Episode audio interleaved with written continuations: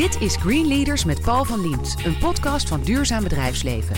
Het businessplatform voor succesvol duurzaam ondernemen. Wekelijks hoor je hier een Green Leader die de economie vernieuwt, verandert en verduurzaamt. Tanja Roeleveld is programmamanager duurzaam en betrokken ondernemer bij Lendo Green Parks. Lendo Green Parks heeft meer dan 80 vakantieparken en jaarlijks vieren 2,8 miljoen mensen daar vakantie. Het vakantiepark wil de gasten op een positieve manier in aanraking brengen met duurzaamheid. Welkom Tanja. Dank. Ja, wat doet Lendo Green Parks op het gebied van duurzaamheid? Het is echt de allermakkelijkste vraag, hè? maar ja, toch ook heel lastig. Um, nou ja, is het de makkelijkste vraag? Ik denk, wat doet Lando Green Parks? We hebben een, een heel breed programma. Um, wat uh, alle facetten van duurzaamheid die je kunt bedenken wel bestrijkt. Dus dat gaat over, een, uh, over energiehuishouding, over uh, grondstoffen, water, mobiliteit, um, het geluk van mensen uh, willen we aan bijdragen. Maar ik denk een heel goede, belangrijk onderwerp waar we veel op doen is... Uh, hè, we willen de, een gezonde natuur versterken. Um, en de regio betrekken. Dus uiteindelijk is onze missie um, onvergetelijke vakanties met Hij is een heel positieve groot, als ik het impact. zo hoor van dat is 100 uur per week werken. Dat moet je tenminste 50 jaar blijven doen om hier een beetje succes van te kunnen maken. Het is heel groot, hè? Um, nou, het is heel veel. En ik denk dat is uh, heel bijzonder. Want daarmee is ook iedere collega is in staat om daar een bijdrage aan te leveren vanuit zijn eigen specialisme of vakgebied. Daar komen we nog over te spreken, want dat zie je bij alle bedrijven natuurlijk. Niet iedereen zal het ook meteen gaan omarmen. Je moet het duidelijk maken. Blijkt nu ook. Het is heel breed en zo natuurlijk. En wat ga je allemaal, allemaal precies doen? Wat wordt mijn taak? Willen mensen ook allemaal graag weten. Maar vooral belangrijk is natuurlijk als je zegt we gaan dingen doen op het gebied van duurzaamheid. Iemand geeft ooit het eerste startsein en zegt nu moeten wij het ook gaan doen. Voor ons is het ook belangrijk. Hoe is dat gegaan bij uh, Green Parks? Nou, ik denk in eerste instantie zit het al in de missie. Dus het is niet iets helemaal nieuws. Maar uh, ongeveer zeven jaar geleden zijn we begonnen met uh, een activatie, noemen wij, vanuit een programma. En dat wordt natuurlijk wel eerst dat in de basis geïnitieerd door de board en, en de CEO. En wat was dat precies? Want het klinkt een beetje lelijk, hè? de activatie. Wat, wat gebeurde er toen, zeven nou jaar ja, geleden? Ja, toen hebben we met een, een, een groep mensen vanuit de hele organisatie hebben we een, een programma samengesteld. Ook met externe experts. Uh, waarin we gewoon met elkaar in gesprek zijn gegaan over waar kunnen we nou impact maken. Hè, en waar hebben wij nu misschien negatieve impact. Uh, en willen we die negatieve impact reduceren. Maar ook veel belangrijker dat we hebben gekeken naar waar kunnen we positieve uh, bijdragen en waarde creëren. Maar ik probeer even te denken. Hè? Gewoon laten we zeggen mensen die, die verder gewoon daar eigenlijk nooit hun gedachten over laten gaan. Als het over vakantieparken gaat. Dan denk je nou wat is dan negatief en positief? En wat mij te binnen schiet is dan negatief kan zijn. Er wordt veel rommel gemaakt en wat doe je daarmee? Dat, dat kun je, daar kun je kleine stappen zetten. Uh, ja, zeker. Dus het negatief zit natuurlijk ook in het de energie die wij gebruiken. En inderdaad in het materiaal wat wij nodig hebben om parken in te richten en mensen in de restaurants eten te kunnen serveren. Maar vaak zei je inderdaad, energie is goed dat je die zelf al noemt ook. Want vaak staan mensen ook vaak niet bij stil. Hè? Dat je denkt, oh, zoveel energie heb je voor nodig. Extreem. Kun je daar een voorbeeldje van geven? Wat je nu doet en wat er minder kan? Nou ja, ik, hè, wat, wat we nu doen in, op energiegebied is dat, hè, ik denk zeven jaar geleden hadden we bijna nog allemaal uh, grijze energie. Uh, dus dat zijn de eerste stappen die we hebben gedaan. gezet is alles omgezet naar groene energie. Um, maar vervolgens ga je en, en toen zijn we het stuk gasverbruik gaan bos compenseren. Uh, en dat is heel mooi. Dan ben je CO2-neutraal ja. met betrekking tot je e eigen energieverbruik. Maar uiteindelijk wil je dat die vergroening ook veel dieper komt. Hè? Dus dat wij een ja. bijdrage leveren aan die uh, groene, uh, duurzame opwek. Um, en dat we uiteindelijk van het gas afkomen. En daarvoor zijn nog niet grote ja. alternatieven voorhanden. Nee, ik weet het, maar daar zijn jullie niet alleen in. Dat is natuurlijk sowieso voor ons allemaal lastig en zo. Maar inderdaad geweldig. Het zinnetje onthouden we allemaal wel, van het gas af. En er wordt eerst, eerst wat lachig over gedaan en langzamerhand snappen. Nou, dat kan echt hele grote stappen opleveren. Uiteindelijk uh, valt het allemaal onder dat prachtige woordje klimaatneutraal. In 2030 wil je klimaatneutraal zijn. Moet je eerst zeggen, wat, wat is dat dan precies? Ja, dat is natuurlijk altijd heel erg lastig. Wij hebben het gedefinieerd vanuit onze eigen bedrijfsvoering uh, op dit moment. En dat betekent dat wij uh, op het gebied van energie uh, zijn we nu CO2-neutraal. Dat zou je al een flinke stap richting klimaatneutraal kunnen, kunnen benoemen. En vervolgens is het, gaat het ook over ons grondstofverbruik. Dus alles wat wij nu inkopen, willen we circulair inkopen, zodat je geen uh, beslag legt op grondstoffen uh, die daarna verdwijnen in een verbrandingsoven. Maar dat je die cirkel sluit um, en eigenlijk grondstoffen blijft hergebruiken. Nou is het wel een, een, een onderdeel van je doelstellingen, dat klimaatneutraal zijn. Alles wat jij nu zegt wil je dus bereikt hebben in 2030. Dat is dan echt niet alleen zomaar een missie die, die bijvoorbeeld hier wordt uitgesproken. Want daar kunnen we je ook echt aan houden. Dat staat ook gewoon op papier, dat, dat is allemaal zwart op wit. Maar is het ook echt keihard meetbaar? Nou, nog niet alles is meetbaar. Kijk, zaken als energie, grondstoffen, water zijn natuurlijk heel goed meetbaar. Ja. Ehm, dus wat dat betreft is klimaatneutraal uh, eigenlijk prima meetbaar. Ik denk wat een beetje grijs gebied daaromheen is, hebben we het dan ook over um, wat gasten bij ons doen. Hè? Of hoe ze naar ons toe komen. Of een leverancier. En dat is vaak moet je daar heel veel tijd en energie in zetten om het meetbaar te maken. Dus daarvan hebben we gezegd dat gaan we op dit moment niet meetbaar maken. Dus die klimaatneutraliteit, dat, dat richt zich echt direct op onze bedrijfsvoering. Wat ons niet weerhoudt om uh, partners en leveranciers daarin mee te nemen. Sterker nog, we zullen ze nodig hebben uh, om dat doel uiteindelijk te bereiken. Nee, maar ik snap het. Je moet ergens ook een grens stellen. Je begint gewoon bij wat je zelf kan doen. En alles daaromheen natuurlijk. De hele wereld wordt er uiteindelijk bij betrokken. Nu gaat het ook om de gasten. En de gasten horen dit verhaal ook. En die denken dan, mooi zo, Lendo Greenparks, gezellig vakantie, daar ga ik naartoe. Maar ze willen klimaatneutraal zijn. Oh, daar ga ik helemaal naartoe. Zo werkt het natuurlijk niet. Hè. Dat lijkt me best voor in jouw positie ook een lastige boodschap. Hoe kun je gasten daar warm voor maken zonder voortdurend met zo'n belerend vingertje rond te lopen? Nou, ik denk dat dat inderdaad, dat je dat altijd moet vermijden. Mensen zijn op vakantie, komen bij ons voor hun plezier en willen gewoon een hele mooie beleving. Maar ik geloof eigenlijk dat het juist heel goed hand in hand gaat. Als je kijkt naar wat wij bieden, uh, wij bieden een onvergetelijk verblijf midden in de natuur. Dus mensen komen bij ons op die parken voor de natuur. Dus juist op dat onderwerp zijn mensen sterk geïnteresseerd en zou, willen ze vaak graag meer weten. Ja, dat is het. Hè. Ze willen vaak meer weten. Dan komt het ook vanuit die mensen zelf. En dan kun je dat bijna spelende wijs gaan doen. Maar hoe merk je dat? Wat, wat kun je dan aanbieden als ze meer willen weten? Nou, kijk, we doen er natuurlijk ook wel onderzoek naar. Dus uh, de, de cijfers laten bij ons ook wel zien dat eh, meer dan drie kwart van de mensen, van onze gasten, geeft aan dat ze het belangrijk vinden dat wij duurzaam en betrokken ondernemen. dus hechten daar waarde aan.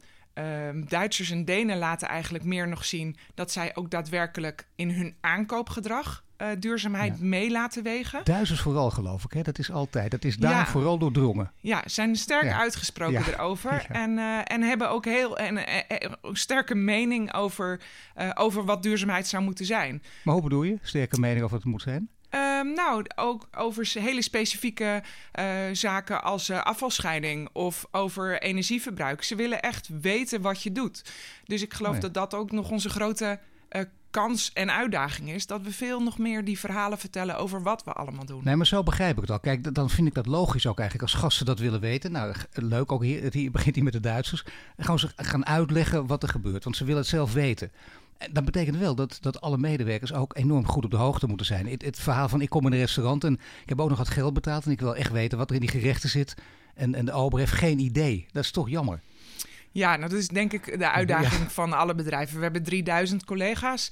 Uh, waar ik ja. wel ook heel trots op ben, is dat we hebben net een, uh, een uh, nieuw trainingsprogramma ontwikkeld. Dat gaat iets later dit jaar gaan we daar mee live. Waardoor echt nog veel meer collega's veel meer weten van wat we allemaal doen. En eigenlijk wat we daarmee ook willen bereiken, is dat je ze meer handvatten geeft om ook daadwerkelijk zelf een bijdrage te leveren. Ja, maar als je dus nu, stel ik ben een, vrij goed ingevoerde Duitser. Ik ben ook echt zeer betrokken bij het klimaat en bij, bij de natuur. En ik, wil, ik heb bepaalde vragen over afvalscheiding. Dan is het nu best lastig dus om een goed antwoord te krijgen. Nou, ik denk zeker iets als afvalscheiding is een hele complexe business. Ja. Uh, waar uh, in Duitsland alweer hele andere uh, werkingen zijn dan in Nederland. Um, er zitten ook uh, uh, politiek, politiek uh, zit hier achter, vergoedingen stromen. ik denk dat dat is ook iets wat zo lastig is om uit te leggen aan al onze... Maar hoe probeer je dit, hoe probeer je dit er buiten te houden? Want dan moet je ook maar oppassen. Mensen hebben vakantie en sowieso in, in dit soort omstandigheden... je, je bent niet aan, aan, een politieke partij gebonden. Nee. Je moet niet hebben dat mensen dat tegen je roepen. Iedereen is welkom. Ja, nou ja, nee, sowieso iedereen is welkom. Uh, ik denk qua afvalscheiding, wat, je gewoon, wat we willen doen, is dat we iedereen faciliteren om hun afval te kunnen scheiden. Uh, wat daar wel nu een, uh, een lastig punt is, is dat bijvoorbeeld plastics of PMD, plastic metaal drankverpakkingen, um, dat dat voor een bedrijf lastiger is en vooral veel kostbaarder dan voor gemeentes. En dat is eigenlijk niet uit te leggen. Dus daarin zien we dat we toch kiezen soms, ondanks dat het veel geld kost, dat we uh, onderzoeken wat de mogelijkheden zijn om toch die stroom afval te scheiden. Omdat is dat wat gasten van ons verwachten. Ze zijn het gewend vanuit huis en willen gewoon hun afval kunnen scheiden. Nou ja, dat speelt ook een rol. Hè. Je wil hoe dan ook op een of andere manier voorlopen als je daar komt. Dat is heel gek. Dat mensen, je hebt ook een hotel geboekt, je hebt zelf een leuke badkamer thuis. Wil je dat die in het hotel altijd net ietsje mooier is. En als ik die vergelijking kan maken, maar geldt hier natuurlijk ook. Je bent dat gewend en ja, kom je bij Lendo Greenbox, dat kan niet. Ik snap dat dat groter is, maar dat kun je ook een beetje met zachte hand doen. Maar die uh, echte educatie, die echte uh, kennis die je overdraagt tijdens een lange wandeling. Zijn het af en toe ook uh, momenten die twee, drie uur gaan duren of gaat het altijd kort en snel en bondig? Ik denk dat dat uh, heel verschillend is. Hè? Dus er zijn mensen die, die het heerlijk vinden om met een boswachter op pad te gaan en ook daadwerkelijk om vijf uur opstaan om om half zes te, te starten met hun, met, ja. hun, met hun wandeling. En tijdens die wandeling alles horen van die boswachter over de natuur, over uh, het wild dat daar leeft en dat soort zaken. Ja. En daarbij ja, zich helemaal laten onderdompelen in die natuurbeleving. Maar er zijn ook gasten die, die, uh, die vinden het heel leuk om een korte uitleg van de imker. Uh, die bij ons op het par uh, park aanwezig is, ja. te horen over de biodiversiteit en over de rol van de bij. En dat duurt dan veel korter. En dan kun je daarna ook meteen wat bijenhoning aanbieden. Absoluut. Dat absoluut. soort dingen. Nee, natuurlijk. Ik wou net zeggen, want dan komen we meteen op het verdienmodel. Hè. Uiteindelijk is het uh, belangrijk en, en, en, de meeste mensen langzamerhand omarmen dit ook. Het lijkt bijna een beetje een discussie als met roken ook. Eerst allemaal flauwekul, ik rook gewoon door. En op een gegeven moment ga je toch zien welke kant je op moet. In dit geval misschien ook wel zo, maar je wil er ook geld mee kunnen verdienen. Kun je op een gegeven moment ook hier met duurzaamheid geld verdienen? Nou, ik denk uh, met duurzaamheid als in honingverkoop niet. Uh, de, nee, dat is bijvangst. Maar ik nee, denk ik bedoel wat... het echt in brede zin natuurlijk. Ja, ook met klimaatneutraal dat... zijn. Nou, ik denk wat dit soort dingen wel doen, is dat het een, je, uh, ons een unieke propositie in de markt geeft. Dus het, het geeft onderscheidend vermogen. Uh, en mensen kiezen voor ons voor natuurbeleving. En willen niet dat dat nep of greenwashing is. Dus je moet mensen daarin ook het vertrouwen geven dat het echt is wat we doen. Ja, leuk dat je dit zegt. Want mensen zijn echt ook zo kritisch. Ik bedoel, krijg je dit soort vragen ook? Uh, ja, natuurlijk niet van iedereen. Ja. Er zijn ook gewoon mensen die bij ons komen en uh, ja. uh, gewoon een hele leuke vakantie hebben. En volgens mij moet je ook zorgen dat dat ook kan. Hè? Dus dat het inderdaad nooit betuttelend of belerend wordt. of dat mensen het gevoel hebben dat ze lastig worden gevallen. Uiteindelijk gaat het over een leuke beleving. En als iemand dat verhaal van die imker hoort als een leuke beleving, is dat goed. Maar als hij daar iets van leert en mee naar huis neemt uh, en ook thuis aan de slag gaat met duurzaamheid. Dan is dat natuurlijk nog veel mooier. Want dat is wat wij wel geloven. Is dat je daarmee, hè, als wij onze positieve impact uh, weten te verleggen van tot de grenzen van onze parken naar buiten. En dat die ja. bijna 3 miljoen gasten iets van die liefde mee naar huis nemen. Ja. Dan bereiken we pas echt iets wat heel mooi is. Nou, dat denk ik inderdaad. Op lange termijn, wat jullie misschien niet direct zelf merken. Maar dan is dat, uh, zou je kunnen zeggen, dan is dat, gaat het internationaal zelfs, wordt nationaal zo aan de dijk zetten. Maar ook met een doelstelling in 2030 klimaatneutraal zijn. Kun je er uiteindelijk ook geld mee verdienen? Uh, nou, met klimaatneutraal zijn niet. Ik denk met een duurzame bedrijfsvoering en daarin ja. uh, echt iets neerzetten wel. Want de, dat is die propositie uh, en, en het onderscheidend vermogen. Als mensen bewuster kiezen uh, voor landbouw, omdat wij een duurzame organisatie zijn. En dat zal nooit de enige reden zijn. Nee. Uh, maar ik denk wel dat dat een, een, een, factor is die in toenemende mate meeweegt in de beslissingen die mensen nemen. Tuurlijk, en dan kun je ook maar beter dus de voorloper zijn. Je zegt je onderscheidend vermogen, dan kun je beter de eerste zijn van alle, van alle vakantieparken. Uh, ja, de eerste, of in ieder geval doen wat echt bij je past. Uh, en, en daarin uh, en, en je de missie blijven volgen.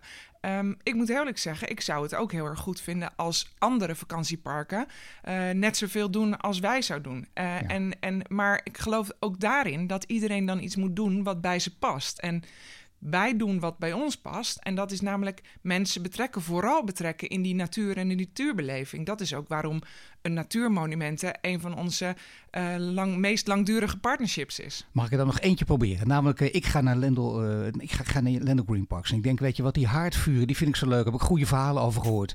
Maar ja, klimaat, haardvuren, ook, ook een lastige combinatie vaak. Soms zelfs ongelukkig. Hoe staat het daarmee? Ja, we hebben natuurlijk best wel wat open haarden. Uh, En daarin zijn we nu echt wel in ontwikkeling. Uh, dat wil zeggen dat we goed kijken naar. Uh, die open haarden zijn inderdaad voor veel gasten zijn die onderdeel van de beleving van, van ja, een verblijf. toch even meegemaakt hebben. Ja. Dat, ja. Mensen willen toch lekker rond die haard. Dat geeft een gevoel van gezelligheid en knusheid. Maar er zijn ook mensen die er last van hebben.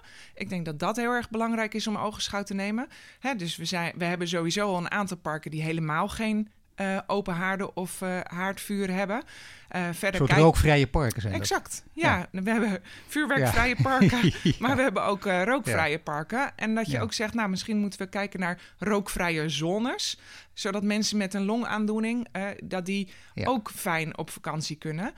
Uh, en daarbij geloven we dat we beter zouden moeten voorlichten. En dat heeft ook dus met het stukje hoe neem je gasten hierin mee zonder ze te beperken of te betuttelen, ja. uh, is dat we ze vertellen over uh, waarom het belangrijk is om te, te stoken met droog hout en niet met gesprokkeld hout uit een bos. Ja. Um, dat we ze informeren over als het windstil is of uh, minder wind dan, uh, dan, dan twee, dat het eigenlijk beter is om niet te stoken, omdat dan al die rook blijft hangen. Nou, je hoort dus... het, ze raakt helemaal op dreef. Hou dit vol, hè. Je hoort Tanja Roeleveld, programmamanager duurzaam en betrokken ondernemen bij Lendo Green Parks. Net vertelde ze hoe Lendo Green Parks inzet op duurzaamheid en zo praten we verder over haar persoonlijke motivatie.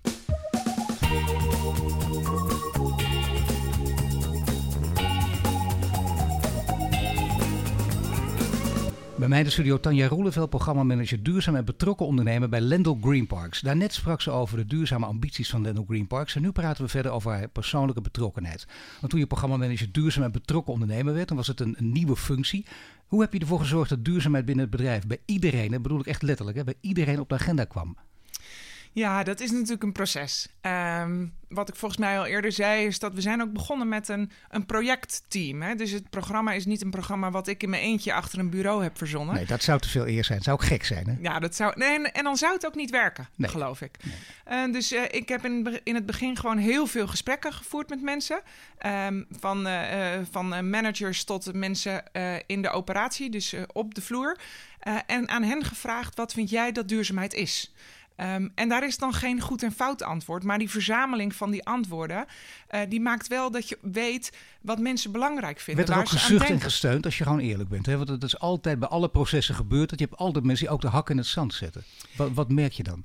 Ja, zetten mensen echt de hakken in het zand? Ik heb het eigenlijk niet heel erg meegemaakt. Um, mensen zijn altijd bereid als je bereid bent om te luisteren naar wat iemand anders zijn belangen is. En ook die belangen mee te nemen in uh, in je gesprek en hoe je dingen formuleert en wat je neer gaat zetten en wat je doet, uh, dan gaan mensen ook wel zien uh, dat, het, dat dingen goed samen kunnen gaan. En sterker nog, dat het elkaar kan versterken en vergroten. Ja, dat snap ik wel. Dat kan, maar ik, ik bedoel, ik, bij alle veranderingen, dat, dat is ons mensen eigen. We weten een beetje hoe ons menselijk brein werkt. Hè. Wij allebei ook. Wij houden van veranderingen volgens mij, hè, van nieuwe dingen doen. Maar toch, elke keer moet je wel weer even een hobbeltje over iets zien te overwinnen. En dan vind ik de methode ook heel goed. En met iedereen praten, omdat je dan merkt waar die hobbeltjes liggen.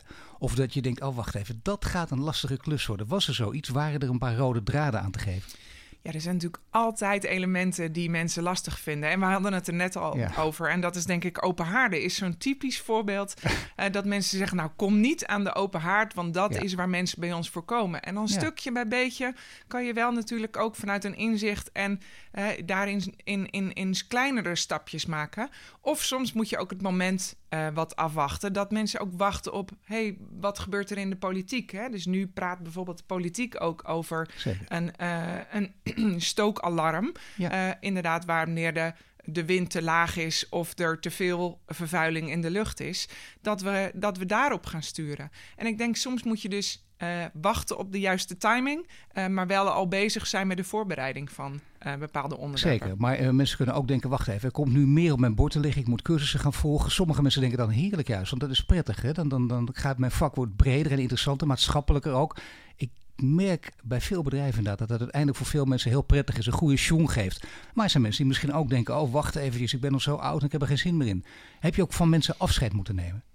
Uh, nou, ik sowieso niet. Uh, vanuit nee, mijn rol. maar natuurlijk. Maar ja. degene die daar verantwoordelijk voor zijn. Ja, nou, ik heb het eigenlijk. Ik moet echt zeggen dat ik het weinig heb meegemaakt. Um, uh, als ik kijk naar de missie van Landal, dan zitten daar al zoveel elementen van hè, die we nu bestempelen als duurzaamheid in. Hè, dus het gedachtegoed. Dat ik denk dat dat, heeft altijd al geleefd. Dus dat was meer iets wat we moesten uh, bij, in elkaar hebben gezet, of naast elkaar hebben gezet in een programma, waardoor het duidelijker en zichtbaarder werd. Uh, en we heel veel konden oogsten van alle ideeën en initiatieven die mensen al hadden. Hoe komt het uh, dat, dat sommige bedrijven toe in staat zijn de beste mensen naar zich toe te trekken en andere niet? Dat blijft al toch, vind ik, een integrerende vraag. Als je bij Lendo Greenparks gaat werken, als je ziet dat duurzaamheid hoog op de agenda staat, een, een onderwerp een van de grootste onderwerpen is in deze tijd, hoe jaren, het jaren zal blijven, met voor- en tegenstanders. Hoe zorg je dat je de beste mensen naar jouw park toe haalt? Ja, nou dat is natuurlijk een heel HR of recruitment aangelegen Tuurlijk, maar uh, toch vraag. Uh, maar ik geloof wel dat als je nu kijkt naar hè, de, de, de, jongere generaties, uh, die, die hebben ook meer behoefte aan, aan ja, bijdrage, maatschappelijke bijdrage leveren. En niet alleen maar uh, werken om het werken. Uh, dus ik denk dat ze dat bij ons vinden. Uh, en ook veel vrijheid om hun eigen beslissingen te nemen. Voor mij is dat ook een onderdeel van duurzaamheid. Hè. Zorgen dat iemand zich prettig en gelukkig voelt in zijn werk. En vaak gaat het toch ook over: heb ik het gevoel dat ik ergens maatschappelijk aan iets groters bijdraag? En heb ik de ruimte om daarin mijn eigen beslissingen te nemen en nou ja, keuzes te maken? Ja, natuurlijk. Je baan is maatschappelijker, dus meer dan werk alleen. Dat past zeker denk ik bij nieuwe generatie. Bovendien vrijheid geven, je gelukkig voelen, heeft hier allemaal mee te maken. Maar hoe let jij erop? Je moet een enorm empathisch vermogen hebben dan. Nou, nou ja. Heb je dat? Zeg je nee, ik niet hoor. Nee, nauwelijks. Nou ja, ik denk wel dat ik goed kan luisteren naar wat iemand anders graag zou willen. Uh, en, en waar die behoefte aan heeft. En dat mee te nemen uh, in mijn gesprek of in uh, dat wat, wat ik voor ogen heb, zodat ik dat kan verweven en dat iemand gaat voelen dat hij uh, bij kan dragen aan het programma. Uh, of bij kan dragen aan bepaalde doelstellingen. En ook daarin vrijheid voelt om eigen keuzes te maken. Ja, je merkt, hè, in deze serie zijn we op zoek naar duurzaam leiderschap. Een definitie daarvan, zonder dat uh, zwaar wetenschappelijk te maken. Maar toch een beetje kijken wat er voor nodig is. Onder andere dus empathie. Maar empathie vooral in de zin, niet zalvend, maar in de zin van begrijpen dat, dat de een wil iets anders dan de ander. En het kan allebei goed zijn. Maar je moet wel de juiste persoon de juiste dingen laten doen. Maar wat, wat versta jij eronder als je over, over duurzaam leiderschap na gaat denken? Wat zou dat ongeveer behelzen? Nou, voor mij eigenlijk exact dat wat je net beschrijft. Is dus goed luisteren naar andermans belangen en wensen. En die meenemen in het gesprek. Uh, want alleen uh, de, anders stap je meteen tegen weerstand aan. En gaan dus mensen inderdaad met die hak in de zand. Als ze zichzelf niet uh, horen of, of terughoren of voelen, niet de ruimte voelen om hun eigen keuzes te maken, ja, dan gaan mensen dwars liggen. Dus ik denk dat dat, uh, uh, nou, noem het zalvende, is van essentieel belang om mensen mee te nemen in, in zo'n verandering. Maar dan wil je natuurlijk uiteindelijk wel, ook daar komt weer het woord meten om de hoek kijken, want dat is logisch, dat willen we ook. En ook al snappen we dat dus niet alles keihard te meten is, maar hoe kun je dit dan meten? Of de een wel of de ander geen goede duurzame leider is? Hoe we duurzaam leiderschap kunnen meten. Kijk, als jij, jij zegt hè, tegen mij, nou het heeft dus, we komen er een beetje op, heeft ook met empathie te maken. Mensen uh, zo sterk mogelijk uit de, goed mogelijk uit de verf laten komen, dat je dat kan. Dan stel dat jij dat als doelstelling hebt. Dan zou ik denken, ik stel, dat mag ik eigenlijk helemaal niet zeggen, maar toch, ik ga over jou en ik mag het bepalen en ik moet het meten. Zou ik denken, nou wacht even. Uh, over twee jaar heb ik met alle medewerkers gesproken. Iedereen die met jou te maken heeft gehad, je krijgt allemaal acht en negens. Dan weet ik met, met hele harde cijfers dat je het goed doet. Gebeurt het ook bij jullie? Word je op die manier ook, ook uh, onder het licht gelegd? Nou ja, hè, dus er wordt wel gekeken naar inderdaad uh, leiderschap algemeen. Uh, dat gaat dan wel vaak over teams, hè, dus grotere teams. ik heb eigenlijk maar een heel klein team. dus ja. mensen beoordelen mij daarin persoonlijk niet. Ja. Want je beoordeelt alleen je eigen persoonlijk leider. Dus dat zijn de systematieken zoals wij daarmee mee, mee werken. Um, ik denk waar je nu die waardering van leiderschap uh, misschien aan zou kunnen afmeten, is uh, het resultaat wat we weten te behalen. Hè, dus uh, afgelopen vorig jaar waren we winnaar binnen de lesjebranche van de Sustainable Brand Index. Dit jaar zijn we dat weer en zijn we een zevental plekken gestegen in die ranglijst. Ik denk, volgens mij zijn dat ook, dat zijn consumentenwaarderingen, waarin we goed zouden mogen zeggen dat we meten dat we het dus beter aan het doen zijn. En daar kun je dus ook, daar zijn harde criteria aan verbonden en dat zijn ook serieus. Je hebt natuurlijk ook heel veel van die onzinlijstjes, maar dit is een serieuze.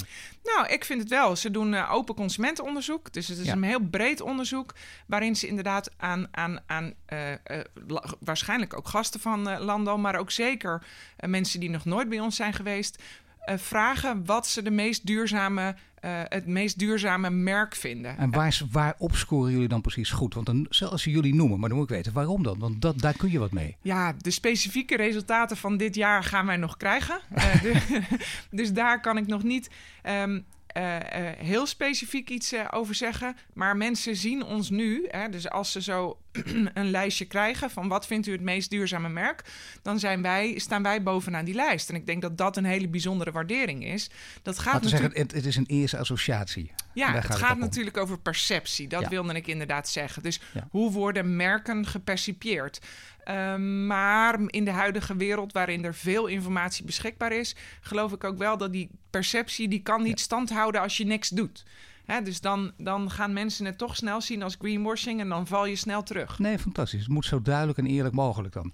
Nu is het wel zo dat je, ja, je, je moet zelf, denk ik, in jouw positie, kan bij niet anders, constant goede voorbeeld geven. Kijk, Tanja, mooie verhalen allemaal, maar uh, dan loopt ze weer met uh, drie plastic zakken en dan gooit ze alle vuil uh, op de vloer en ze heeft een snoepje en ze gooit papiertje weg ja. op straat. Ik noem maar wat. Ja, nou ja, dat denk ik ook. Ja. Uh, maar dat is ook wel iets wat ik, wat ik doe en, en dat ik leef, moet ik eerlijk zeggen. Ik uh, ga zoveel mogelijk met het openbaar vervoer. Um, ik uh, gooi nooit iets op de grond. Nee, um, nee dat is dus ja, absoluut. Dus alles practice what you preach. Maar is het bij jou altijd? Je, je, je, zit op school en je, je gaat naar de, weet ik wel, joh, 13, 14, 15, 16. Je moet in Nederland helemaal al vrij snel, word je bijna gedwongen om wel na te denken wat je wil doen. Ook kun je daarna nog gelukkig allerlei andere keuzes maken. Maar zat het er bij jou al snel in? Of wat, wat wilde jij worden toen je 15 was? Oh, toen ik 15 was, wilde ik politie te paard worden. Dat is misschien heel iets anders. Maar uh, ik, ik denk dat. Uh, zat het erin? Ik, ja, het zat erin vanuit uh, dat ik me altijd beter heb gevoeld in de natuur. Ja. En ik denk met de kennis die ik nu heb, en toen misschien niet, dat, uh, dat ik weet waarom dat is. En dat ik, uh, dat ik het ook heel fijn vind dat ja. ik vanuit mijn rol een bijdrage kan leveren om die natuur uh, hopelijk in stand te kunnen houden. Nee, tuurlijk. Maar even, even naar politie te paard. En dat begrijp ik. Dat doe je nu ook. Maar dat, dat wil niet. Dat is logisch. Je bent jong, dan wil je alle ja. gekke dingen. Dat, daar kwam er niet van. Dan, kom je, dan heb, je, heb je ouders, heb je een leraar, iemand die je beïnvloedt of iemand die je bepaalde, op een, in een bepaalde hoek duwt misschien wel. In de goede richting duwt. Of je een zetje geeft. Dus dat bij jou ook gebeurd of niet? Nou, ik heb altijd in de gastvrijheid uh, uh, gewerkt. Dus daar in de horeca uh, gewerkt. Ik heb ook hotelschool gedaan. Dus dat is eigenlijk de hoek waar ik vandaan kom. Prima opleiding, hè? dat merk je steeds meer in deze tijd. Voor alles en iedereen. Dat wordt steeds een belangrijk onderwerp. Natuurlijk speelt overal doorheen. Nou ja, gastvrijheid en mensen welkom laten voelen is natuurlijk iets wat, wat je overal kunt gebruiken, denk ik. En als ik kijk naar waar ik vandaan kom, ik kom uit een ondernemersgezin. Um, wat, wat deden je ouders dan? Of doen je uh, ouders? Nou, mijn vader had een, een, een, eigen bedrijf in de grondweg- en waterbouw.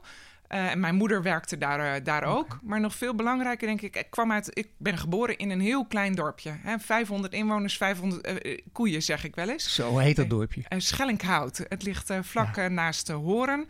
Ja. Aan het Markenmeer. Prachtige omgeving. En ik denk, daar ben ik dus wel meer één met natuur. Wij waren altijd buiten. Uh, ik kan me niet anders herinneren dan dat we buiten waren. Dus ik geloof wel dat daar het je lekker voelen in de natuur en het belang voelen van die natuur, dat daar, nou, net als ik daar geboren ben, dat die, dat gevoel en daar zich heeft Ja, maar toch, je gaat de gastvrijheidskant op en je ziet dat is uh, vooral in, in, tijden van uh, technologie en werken veel mensen die door technologie een baan verliezen. Er is één plek waar je altijd je werk kan blijven doen, namelijk in de gastvrijheid, omdat robots dat niet kunnen. Dus je zou bijna zeggen, je had ook een eigen restaurant kunnen openen of, of een top kelner, top ober worden in Nederland. Heb je ooit gedacht in die richting iets te doen? Nee, eigenlijk niet. Uh, en ik moet eerlijk zeggen, ik voel me nu ook echt heel erg op mijn plek. Uh, omdat ik het gevoel dat de, de impact die ik kan maken en de, dus een, een positieve verandering uh, die maar ik neer weten, kan wat, zetten. Wat, wat, is dan het punt? Want, hè, want vanuit de gasvrijheid is er een, ik noem het een kantelpunt of wat ook, waardoor je denkt, nee, ik kies nu voor iets waar, waar duurzaamheid op één staat. Um, ja, nou ja, je werkt, ik werkte al voor Landal uh, uh, als communicatiemanager. Ik denk dat is ook okay. mijn, uh, mijn achtergrond. en vanuit die rol als communicatiemanager ben ik in deze nieuwe rol gestapt. En dan komen er een heleboel dingen samen eigenlijk. Dus dan werk je nog steeds in die gastvrijheid. mag je werken aan positieve impact, natuurbeleving. Um, en Gastvrijheid, dan... natuur, communicatie. Waar zijn de paarden? Pardon? Waar zijn de paarden? Ja, die zijn nu bij de mijn dochter. Mijn dochter rijdt ook graag paard. Kijk, dus, toch, zie je ja, wel. Hè? Dat blijft toch terugkomen. Ja. Aan het woord is Tanja Roeleveld van Lendel Green Parks. Net sprak ze over haar persoonlijke drijfveer. En zo praten we verder over duurzaamheid in de vakantiebranche.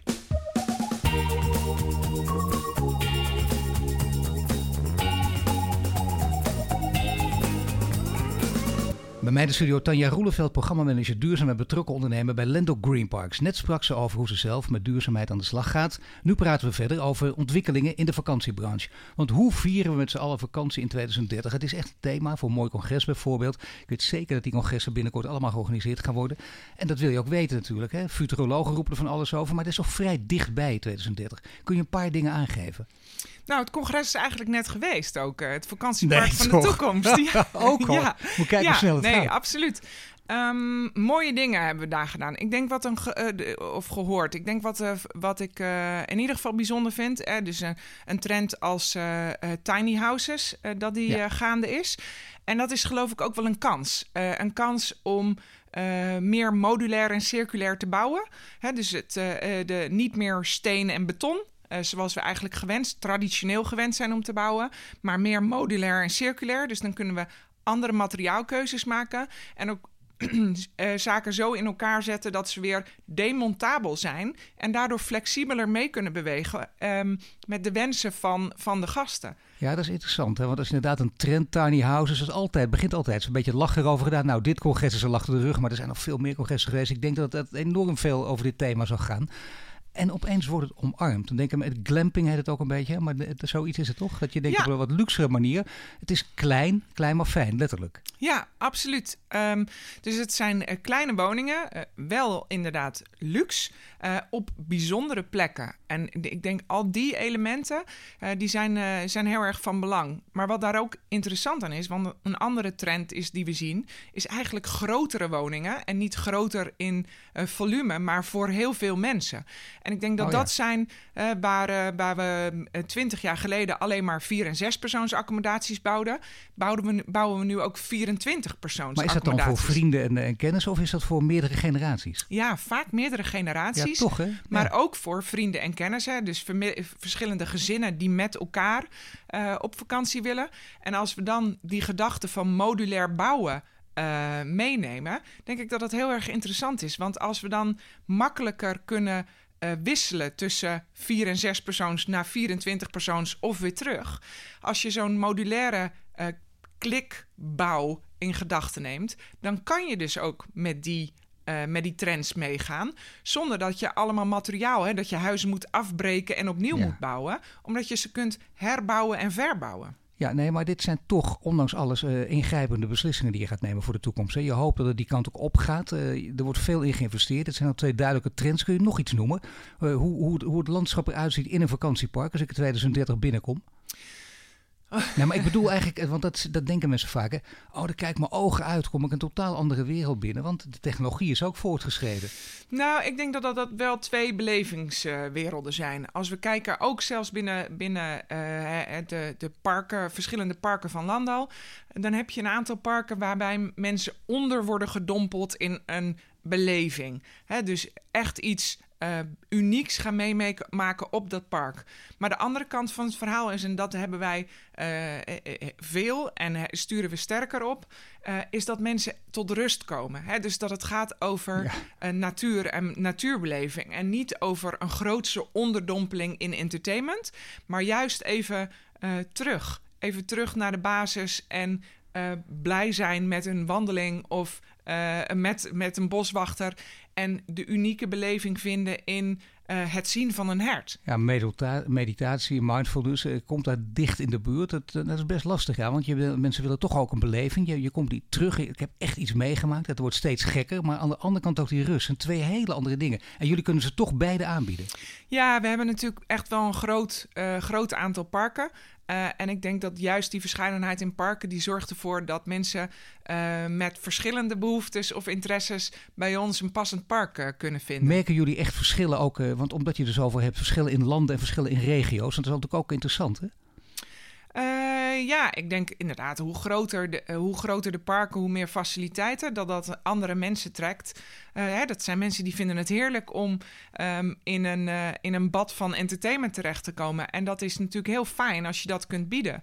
Ehm, maar er zijn grote aantrekkingskracht, denk ik ook. Zeker nu aan de kust um, kustgebieden. Mensen vinden het nog steeds heerlijk om naar, de, naar, de, naar het strand te gaan. Um, op de Veluwe, midden in de bossen. Ja. Dus juist die vers verschillende zaken. En natuurlijk hebben we ook parken uh, in de bergen of uh, nu ook in Denemarken. Het zijn allemaal totaal verschillende omgevingen waar mensen een andere ervaring beleven. Dus je hebt ook mensen die, eh, tenminste ik weet niet of jullie ze kennen, maar jullie zullen er ook genoeg data verzameld hebben voor iedereen van belang dat je weet, nou dit zijn echte Lendel Green Parkers, die echt bijna al die parken bezocht hebben. Ik hoorde dat ooit een keer bij de Efteling. Dat er iemand is die daar gewoon uh, drie keer per jaar naartoe gaat. En gedurende 40 jaar achter elkaar al. Weet je, dus dat soort dingen. Ja, die hebben wij natuurlijk ook. We hebben, of ze alle parken hebben bezocht. Dat, nou, ik, ik, kan me niet voorstellen dat er iemand is. Hè. We hebben nu bijna 90 parken. Dus dat is dan wel een hele grote uitdaging. Ja. Uh, maar we hebben ook mensen die al, uh, al 30 jaar naar hetzelfde park zijn geweest. Omdat ze zich daar gewoon heel erg prettig voelen. En zich persoonlijk welkom ontvangen voelen. En ik denk dat dat ook iets is wat een van de kernwaarden is van Landal. Hè? Dus ja, duurzaam, maar ook zeker die gastvrijheid. Dus iemand echt welkom laten voelen. Dat dat maakt dat we hele unieke, uh, uh, uniek uniek product of nee, dienst maar dat is uh, mooi dat je dit noemt. Dan komt je achtergrond ook weer bovendrijven. Dat hoort dus onlosmakelijk verbonden. krijg ik steeds meer het idee ook met duurzaamheid. Hoe dan ook, dat kan echt niet zonder elkaar. Want je hebt het erover. Stel weer, je hebt een, je ongeorganiseerde congres, maar je wordt heel zagrijnig ontvangen. Of, of er wordt, dat, dat is overdreven, maar er wordt weggekeken. Je wordt niet echt goed geholpen. En let daar gewoon op. Dat is echt inderdaad een slag die velen nog kunnen maken. Dat is echt een van de dingen waar je, waar je dus cruciaal op inzet bij, bij, bij je eigen parken. Nou ja, absoluut. Uh, hè, dus de hostmanship noemen wij. Dus gastvrijheid ja, is een van de allerbelangrijkste elementen uh, bij Landal. Dus het iemand zich, een gast zich welkom laten voelen, is natuurlijk echt een unieke kwaliteit die je moet bezitten om bij ons op een park te kunnen werken. Maar nu wil je die gasten dus niet met een vingertje, dat is heel duidelijk. Heb je in dit gesprek ook duidelijk gemaakt, niet dat belerende vingertje, maar je wil wel een, een, een positieve gedragsverandering tot stand brengen. Mensen zijn op vakantie, je wil dat hostmanship is belangrijk en ondertussen moet je dan toch op een subtiele manier kunnen zeggen, zorg dat je dat je, je rotzooi daar uh, in, in de bakken gooit bijvoorbeeld. Ja, dat doen we dus met verschillende partnerships. Ik denk dat daar, uh, dat, dat, dat wel uh, heel erg belangrijk is. Als je kijkt naar natuurmonumenten, we hebben nu heel veel van de activiteiten van Oer, die wij op onze parken uh, uh, uitvoeren. En daarmee geloven we dat we kinderen inspireren om met die natuur bezig te zijn. En we de natuurbeschermers van de toekomst uh, kunnen creëren. Kijk, dit zeg is maar. echt belangrijk natuurlijk. Hè? Dat je inderdaad voor jongs af aan mee vertrouwd raakt. En voor kinderen moet het vooral ook heel erg leuk vinden. Dat is natuurlijk wel echt essentieel. Dat je niet denkt, het is vakantie, maar het lijkt of ik op school zit. Nou ja, en dat is natuurlijk hartstikke leuk als mensen, kinderen zaadbommen mogen maken. Dan klinkt dat ja. natuurlijk voor een kind echt fantastisch. Nou, maar zou ik al leuk vinden. Ja. Kun je nagaan. dat, ja. Maar als ze dan ook het verhaal verhoren over het belang van, uh, van bloemen en, uh, en zaaien en insecten, dan gaat dat uh, leren gaat op een spelende wijze. En ik denk dat dat is de kracht van die activiteiten van Oer. En dat is dan ook de kracht van het partnership van Natuurmonumenten en Landal, is dat we dat samen kunnen realiseren. Ik denk dat die partnershippen, die heb je zeker nodig. En ook, uh, dat zei in het begin van het gesprek ook, het heeft ook al eens dat niet jullie directe uh, verantwoordelijkheid, maar uh, letterlijk de aanvliegroutes. Hoe komen mensen binnen? Want je gaat naar een, naar een park en een duurzaamheid staat voorop en het is een natuurbeleving en dan kom je aan in een oude diesel bijvoorbeeld. Ja, dat is, blijft natuurlijk lastig. Daarin zeggen we dat wij wel willen faciliteren. He, dus we hebben op eigenlijk bijna al onze parken, steeds meer parken, hebben we uh, een laadpalen voor elektrische auto's. Um, en Die komen op alle parken ook? Ja, Ja. nou ja, dat is iets natuurlijk ook waar we als Nederland en als uh, Europa naartoe uh, moeten, zullen bewegen. Uh, en daarin zullen wij meegaan. ook onze eigen auto's zijn eigenlijk bijna allemaal al vervangen voor elektrische wagens. Hè, dus dit zijn vaak kleine parkwagentjes. Ja. En dat functioneert heel erg goed. Maar eh, als je bijvoorbeeld, je kunt ook zeggen, je gaat mensen met elektrische bussen naar jullie toe vervoeren. Of je gaat alles via het openbaar vervoer doen. En dat lijkt me dan toch weer lastig. Je bent bepakt en bezakt en je komt er met je gezin aan. Uh, met z'n vijven bijvoorbeeld. Nou ja, of met z'n vieren. En dan is dat lastig. Hoe kun je dat oplossen? Nou, ik denk dat dat lastig uh, blijft. Hè. We, de, de parken van ons zijn natuurlijk gelegen midden in de natuur. Uh, vaak niet altijd even goed uh, bereikbaar met openbaar vervoer. Dus de reis naar ons toe en van ons weg zal wel veel nog met de auto blijven zijn. en nogmaals, daarom willen we stimuleren om, faciliteren we elektrisch rijden. door die laadinfrastructuur neer te zetten.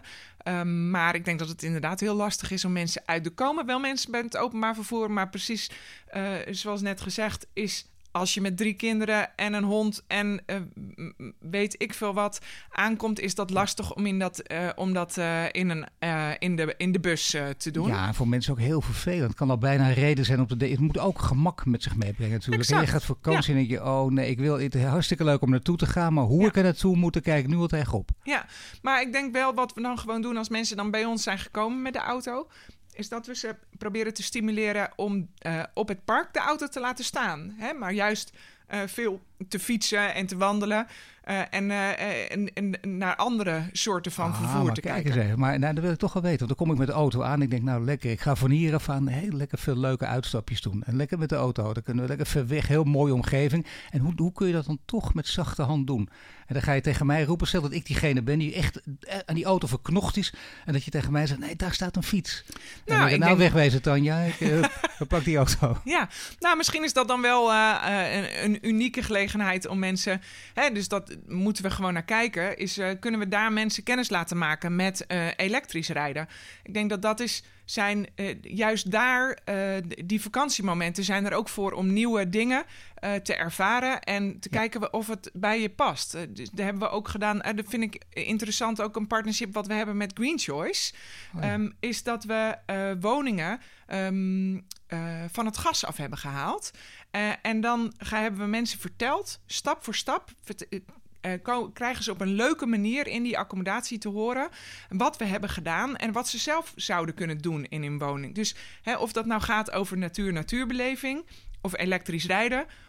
Of een woning van het gas af te krijgen. Ik denk dat dit, dat zijn verhalen uh, die wij kunnen vertellen en dat we mensen een eerste unieke beleving daarin bieden. Tuurlijk, en je zegt al het rolmodel zijn, uh, dat, dat is belangrijk. Dat, heb je ook, uh, dat doen jullie zelf ook met je eigen auto's op het park die elektrisch zijn. Maar dan ook weer ook alle medewerkers thuis. Kom je zelf, hoe ga jij bijvoorbeeld naar je, naar nou, het park? Uh, ja, naar een park ga ik. Dan ga ik wel vaak met een auto. Uh, ja. We hebben nu net een nieuwe lease-regeling, inderdaad, waar wel ook veel oh, elektrisch, oh, waar elektrisch ja. rijden sterk wordt gestimuleerd. Al jaren hebben alle mensen die een lease-auto hebben, hebben ook een OV-kaart. Uh, juist om mensen te stimuleren de auto te laten staan. Uh, en nu nog veel meer. We gaan uh, met ons kantoor gaan we verhuizen van Leidsendam uh, naar Den Haag, vlakbij het station. En daarin krijgen dus mensen ook de mogelijkheid om te kiezen voor een mobiliteitsbudget. Dus helemaal geen auto meer te nemen. En er is er nog één die speelt in alle vakantiepakken een grote rol. Hoort ook bij vakantie, namelijk lekker eten en drinken. En dan, ja, dat heeft ook alles met duurzaamheid te maken. Stel nu dat ik gek ben op natuur en ik, ik voldoe bijna aan alle eisen die, die, die, die jij zou stellen. Tussen aanleidingstekens natuurlijk. Alleen één ding. Ik vind het wel lekker om in de natuur bier en onbeperkt spare ribs te eten. Wat dan? Uh, ja, nou, dan vind ik het dus ook wel onze verantwoordelijkheid dat wij dat uh, goed inkopen. Uh, we hebben bijvoorbeeld een hele mooie samenwerking ook met de Green Fish Foundation. En die ja. gaat er dus helemaal over dat we alleen maar ja, geen rode vis verkopen ja. sowieso. Geen rode mul. Ook um, geen palingen. Ik heb er net het nee, over gelezen. Ja. Kan allemaal niet, hè? Nee, dat kan echt inderdaad nee. niet. Het is Zeebaars. wel iets wat soms heel lastig is. Want de vis, uh, de ene vis is in een bepaalde periode uh, groen. En dan wordt hij toch opeens oranje. Dat zeggen chefkoks ook. Die zeggen het is ja. bijna een wetenschap. En dat geloof ik ook wel. Dat is wel heel erg lastig. En je kunt het ook te gek we, maken. Ja, daar werken we samen met onze leverancier. Die dat nou uh, gelet in de gaten houdt. En daarop stuurt. Hè. Dus wij hebben gezegd, we, het, we willen absoluut geen rode vis meer. Serveren. dus bij ons alleen groene en oranje vis op de kaart. En hetzelfde geldt natuurlijk voor een, een, een stukje kip of een stukje rund. Is dat als je dat van een juiste, juiste kwaliteit en product inkoopt, dat vind ik dus echt onze verantwoordelijkheid en natuurlijk hebben wij ook steeds meer vegetarische keuzes op Nee, ons, natuurlijk, uh... zeker. Nee, langzaam gaat ook die kant op. Maar ik bedoel, stel dat je dat zou willen, dan kan dat nog wel. Als je dus gewoon goed inkoopt, kun je ook... Je kunt zelfs aanprijzen onbeperkt spare ribs eten... voor diegenen, die gekken die er rondlopen, die dat willen. Ja, als je dat aan mij persoonlijk vraagt, vind ik dat lastig. Uh, ja. Maar ik geloof, als wij nu... Uh, dus we zijn een, een, een, een uh, park die echt voor iedereen is. Dat willen we ook zo zijn. En ik denk belangrijk dat wij ook daarin uh, stapjes laten doen en duurzame keuzes stimuleren. Dat betekent dus wel dat wij, nou ja, meer vegetarische keuzes uh, op, het, uh, op, het gerecht hebben. En ja, ook kleine porties. we bijgerechten eigenlijk altijd klein serveren. Hebben we ook op de menukaart staan. Als iemand meer wil, kunnen ze uiteraard meer krijgen. En dat allemaal om voedselverspilling tegen te gaan. Um, maar uh, kunnen wij nu helemaal stoppen met uh, vlees serveren? Nou, ik denk dat dat voor, nee. voor dit moment een stap te ver is. Nee, maar er valt dus heel veel te doen. Dit is echt een steeds leukere wereld. Uh, aan alle kanten blij doordat jij er zeer betrokken bent en, en, en er heel goed in zit. hoe lang wil je dit nog doen? Ik schat nog nou, een twintig jaar. Nou, dat zou heel goed kunnen. Ik ben heel tevreden met wat ik doe. Ik voel me daar heel erg prettig bij. Ik, ik geloof dat er nog heel veel kansen zijn. en daar zou ik nog wel graag aan willen wer blijven werken. Ik dank je, Tanja. Je luistert naar de Green Leaders podcast van Duurzaam Bedrijfsleven. Volgende week zijn we terug met een nieuwe Green Leader. Dit was de Green Leaders podcast voor deze week. Volg onze website voor meer nieuws over succesvol duurzaam ondernemen. Wil je meer afleveringen luisteren? Abonneer je dan nu via iTunes of Spotify en krijg een melding wanneer er een nieuwe podcast online staat.